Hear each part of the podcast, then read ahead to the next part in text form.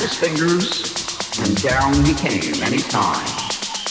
But on voyage 34, he finally met himself coming down an up staircase, and the encounter was crushing.